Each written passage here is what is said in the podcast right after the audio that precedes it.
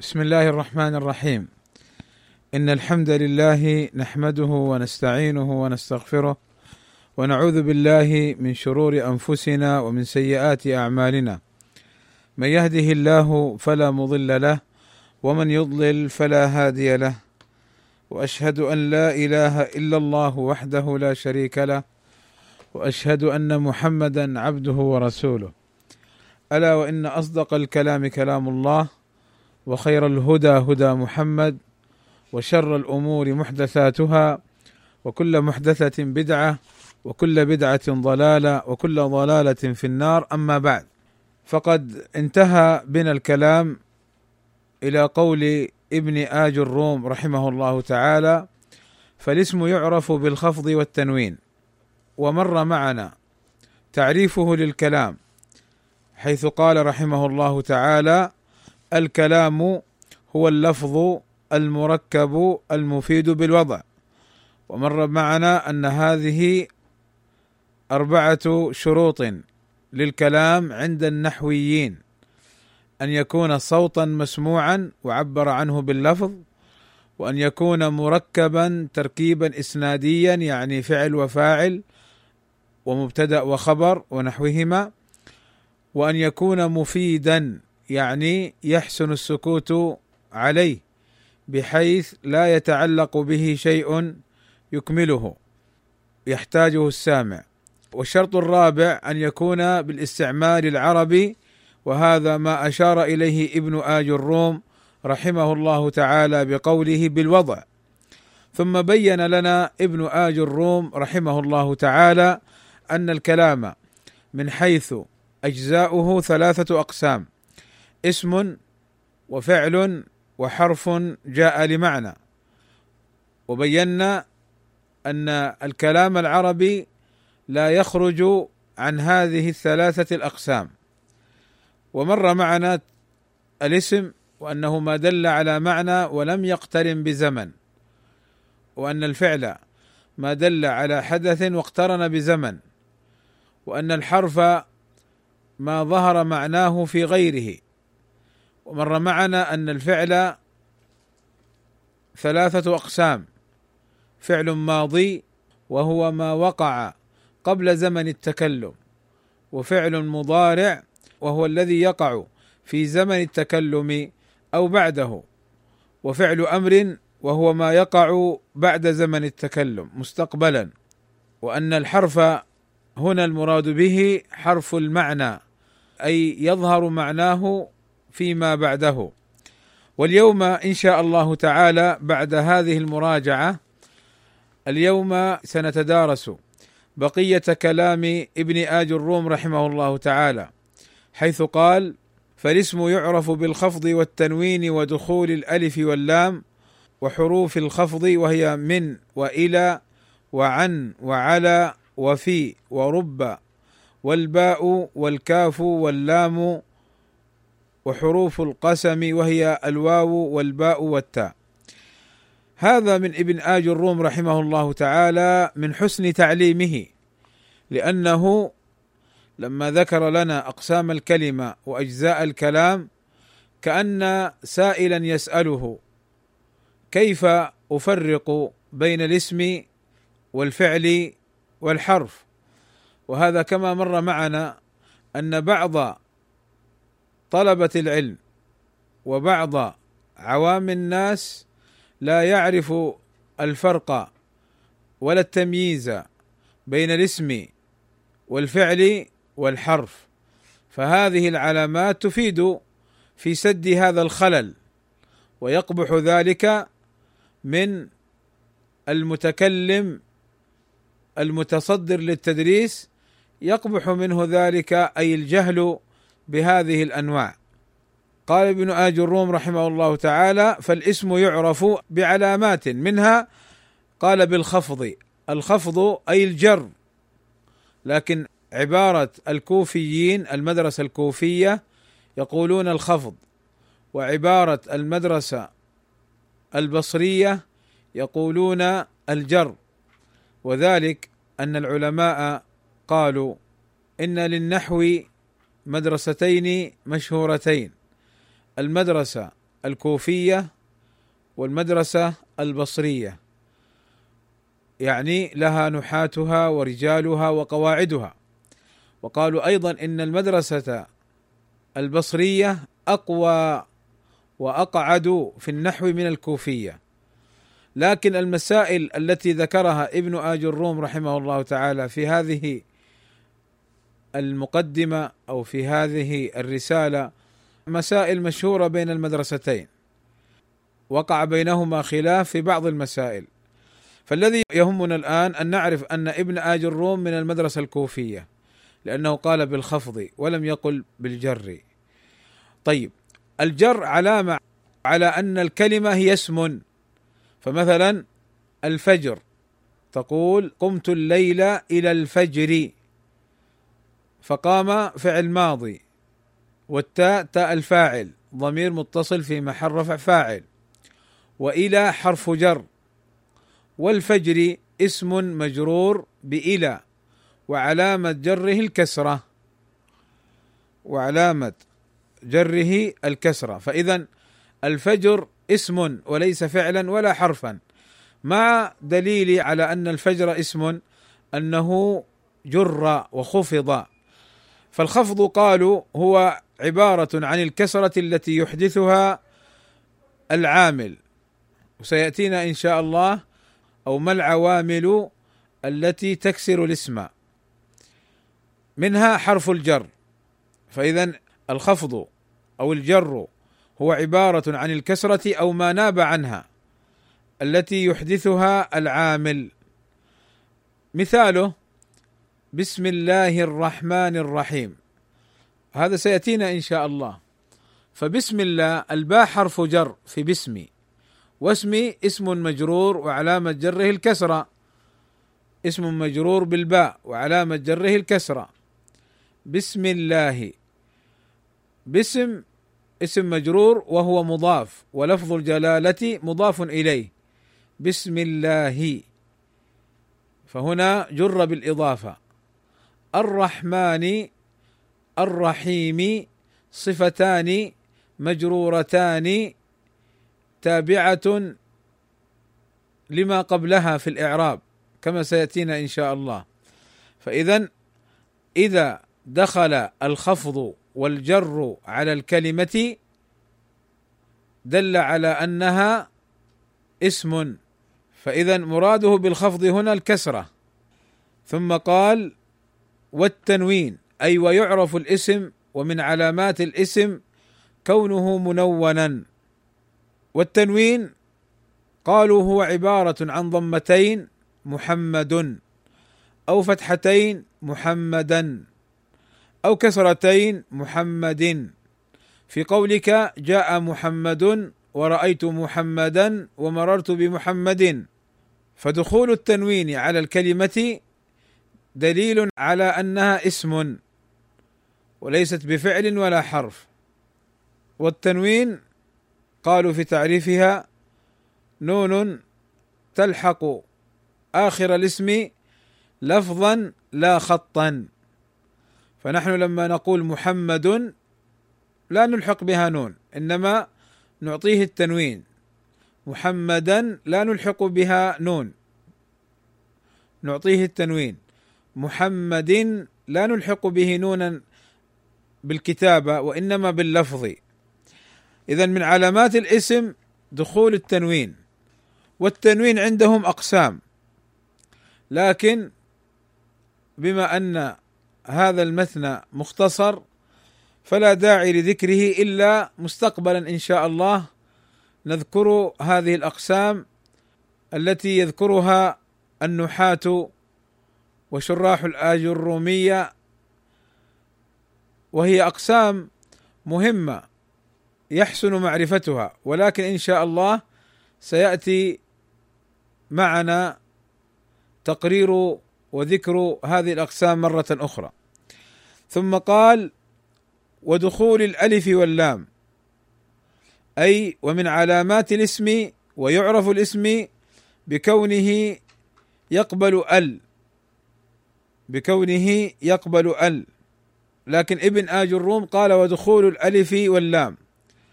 العلماء يقولون حرف المعنى إذا كان مكونا من حرف واحد فإنه ينطق بالتهجي. فمثلا باء فنقول الباء الهاء في هاء لكن إذا تكون من حرفين فأكثر ينطق باسمه. فنقول ال ونقول من. ما نقول الميم والنون العين والنون لا عن من. فاذا هذا الأشهر والأحسن. أن الحرف الذي للمعنى إذا تكون من حرف واحد فإنه ينطق بالتهجي الباء الهاء الكاف. وأما إذا كان مكونا من حرفين فأكثر فإنه ينطق بمسماه. فنقول ال وعن ومن وهكذا. فهذه العلامة وهي العلامة الثالثة إذا دخلت على الكلمة دلت على اسميتها. مثلا الرحمن العصر الفجر الضحى الكتاب القلم الجبل الرجل ونحو ذلك. كيف عرفنا أن هذه الكلمات اسم وليست بحرف ولا فعل؟ نقول بقبولها ال ودخول ال عليها. والمراد بألها هنا ال التي هي للتعريف أو ال الزائدة الداخلة على الأسماء كالعباس ونحو ذلك. طيب العلامة الرابعة قال وحروف الخفض. طبعا هذه العلامات الخفض التنوين دخول ال دخول حروف الخفض يعني أن تسبق الكلمة. هذه العلامات لا تأتي على الفعل ولا تأتي على الحرف كما سيأتي إن شاء الله. فإذا سبقت الكلمة بحرف من حروف الجر والخفض دلت على اسميتها. ولذلك نقول مثلا في البيت في المسجد على الكتاب ونحو ذلك. لكن ما تدخل هذه الحروف على الفعل. فما يصح أن نقول مثلا في ذهب على ذهب. مثلا لا يصح أن نقول من ذهب ونحو ذلك.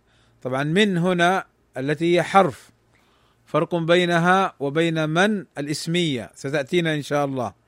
فهو ذكر حروف الخفض يعني حروف الجر وهي المذكورة من وإلى وعن وعلى وفي ورب والباء والكاف واللام. فمثلا من تقول ذهبت من البيت إلى المدرسة فهذه من وإلى. وعن تقول حفظت الكتاب أو القرآن عن ظهر قلب عن ظهر قلب. فهنا عن ظهر عن حرف جر وظهر اسم مجرور. فهذا اسم. ذهبت من البيت إلى المدرسة دل هذا على اسمية البيت والمدرسة. لماذا؟ لأنها سبقت بحرف جر. وفي تقول محمد في المدرسة. كذلك المدرسة اسم لسبقها بحرف الجر. ورب رب أخ لم تلده أمك. فأخ هذا اسم لأنه سبق برب والباء والكاف واللام. والباء مثل قولنا آه، مررت بزيد فزيد اسم لأنه سبق بحرف الجر. والكاف نحو قولنا زيد كعمر في الطول. فزيد كعمر. في التشبيه هذه كاف التشبيه. فهنا نستدل على أن هذا الاسم لأنه سبق بحرف الجر كاف. واللام نقول القلم لعبد الله القلم لعبد الله. فاللام حرف جر وعبد اسم لأنه سبق بحرف الجر. اسم مجرور كما سيأتينا إن شاء الله. ثم قال وحروف القسم يعني أنها تدخل على الكلمة فتدل على اسميتها. وحروف القسم تجر ولكن خصها لأنها مختصة بالقسم وهي كقولنا بالله وتالله والواو في قولنا والله. فإذا دخلت هذه حروف القسم على الكلمة دلت على اسميتها. فاذا هذه أربع علامات للاسم ذكرها ابن آج الروم رحمه الله تعالى. فالاسم يعرف بالخفض والتنوين وهاتان علامتان تكونان في آخر الاسم. ثم قال ودخول الألف واللام وحروف الخفض وهاتان علامتان تكونان قبل الاسم. طيب. ثم ذكر رحمه الله تعالى علامات الفعل. فقال والفعل يعرف بقد والسين وسوف وتاء التأنيث الساكنة. هذه العلامات التي ذكرها ابن آج الروم كأن سائلا يقول عرفنا علامات الاسم فما علامات الفعل. فقال والفعل يعرف بقد أي من علامات الفعل أنه يسبق بقد. كقوله تعالى قد سمع الله. وكقوله تعالى قد يعلم الله المعوقين منكم والقائلين لإخوانهم هلم إلينا. الآية. فاذا دخلت قد على الكلمة دلت على فعليته وأنه فعل. ما يصح أن نقول مثلا قد محمد قد كتاب قد جبل لأن قد إذا سبقت قبل الكلمة دلت على أن الكلمة التي بعدها فعل. وهي لا تدخل قد إلا على الفعل الماضي والفعل المضارع. فنقول قد ذهب قد يذهب. لكن لا يصح أن نقول قد اذهب. فاذا قد تدخل على الفعل الماضي وعلى الفعل المضارع. قال والفعل يعرف أي من علاماته دخول بقد أن يسبق بقد. قال والسين وسوف وهاتان علامتان مختصتان بالفعل المضارع. ما يصح أن تقول سذهب أو سذهب ولا سوف ذهب ولا سوف اذهب ولا سوف اذهب. لأن السين وسوف علامتان مختصتان بالفعل المضارع. قالوا الفرق بينهما أن أن السين للتنفيس يعني للاستقبال. سيفعل هذا الأمر بعد وقت قليل.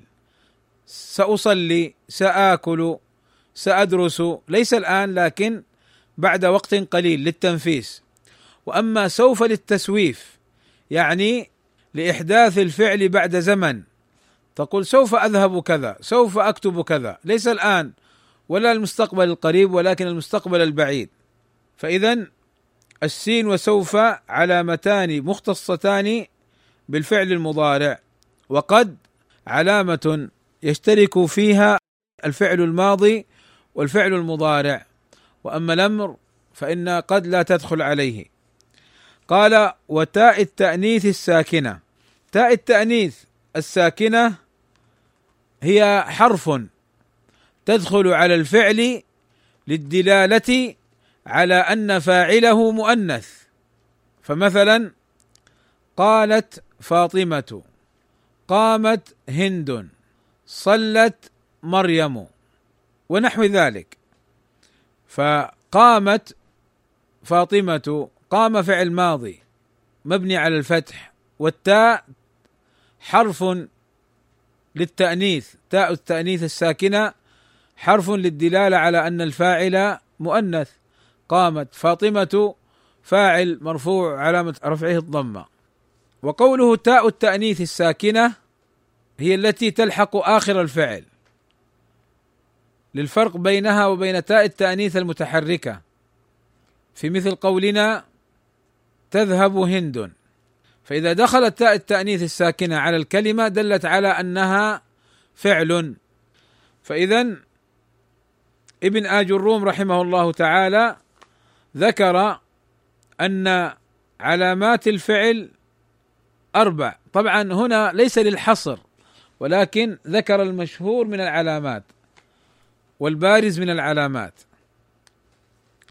ما هي هذه العلامات؟ قال قد. والسين وسوف وتاء التأنيث الساكنة. وقلنا قد تدخل على الماضي والمضارع ولا تدخل على الأمر. وقلنا السين وسوف تدخل على المضارع فقط فهما مختصتان به. ولا تدخل على الماضي ولا على الأمر. وقلنا تاء التأنيث الساكنة مختصة بالفعل الماضي فلا تدخل على المضارع ولا تدخل على الأمر. والسؤال لماذا لم يذكر ابن آج الروم رحمه الله تعالى علامة فعل الأمر والجواب أنه عند الكوفيين أن الأمر داخل في المضارع وعلامة فعل الأمر قالوا أمران الأول دلالته على الطلب قم كل نم ذاكر فدل على طلب. هذا من جهة المعنى. وأما من جهة اللفظ فقبوله لياء المؤنثة المخاطبة. قم قومي. كل كلي. ذاكر ذاكري. ولذلك قالوا صح اسم فعل وليس فعل. صح بمعنى اسكت. طيب لماذا ليست فعلا وهي تدل على الطلب؟ قالوا لأنها لا تقبل ياء المؤنث المخاطبة. فلا يصح أن نقول صهي وإنما صح للمذكر والمؤنث. فاذا علامة فعل الأمر المعنوية دلالته على الطلب قالوا بلفظه. لماذا بلفظه؟ قالوا حتى يخرج قولنا لتأكل لتذاكر لأنها دلت على الطلب لا بلفظها ولكن بلام الأمر. فهذا فعل لتأكل فعل مضارع مجزوم بلا لام الأمر. فلذلك من جهة المعنى دلالة الكلمة على الفعل بلفظها. ومن جهة اللفظ قبولها لياء المؤنثة المخاطبة. كلي قومي نامي ونحو ذلك. ثم أخيرا ذكر علامة الحرف ذكر علامة الحرف. فقال والحرف ما لا يصلح معه دليل الاسم ولا دليل الفعل. يعني الحرف علامته عدمية أي أنه لا يقبل أي علامة من العلامات السابقة. فمثلا لا يصح أن نقول قد عن. قد إلى قد من ونحو ذلك. ولا يصح أن نقول مثلا ال إلى ال على ال كذا. لا ما يصح.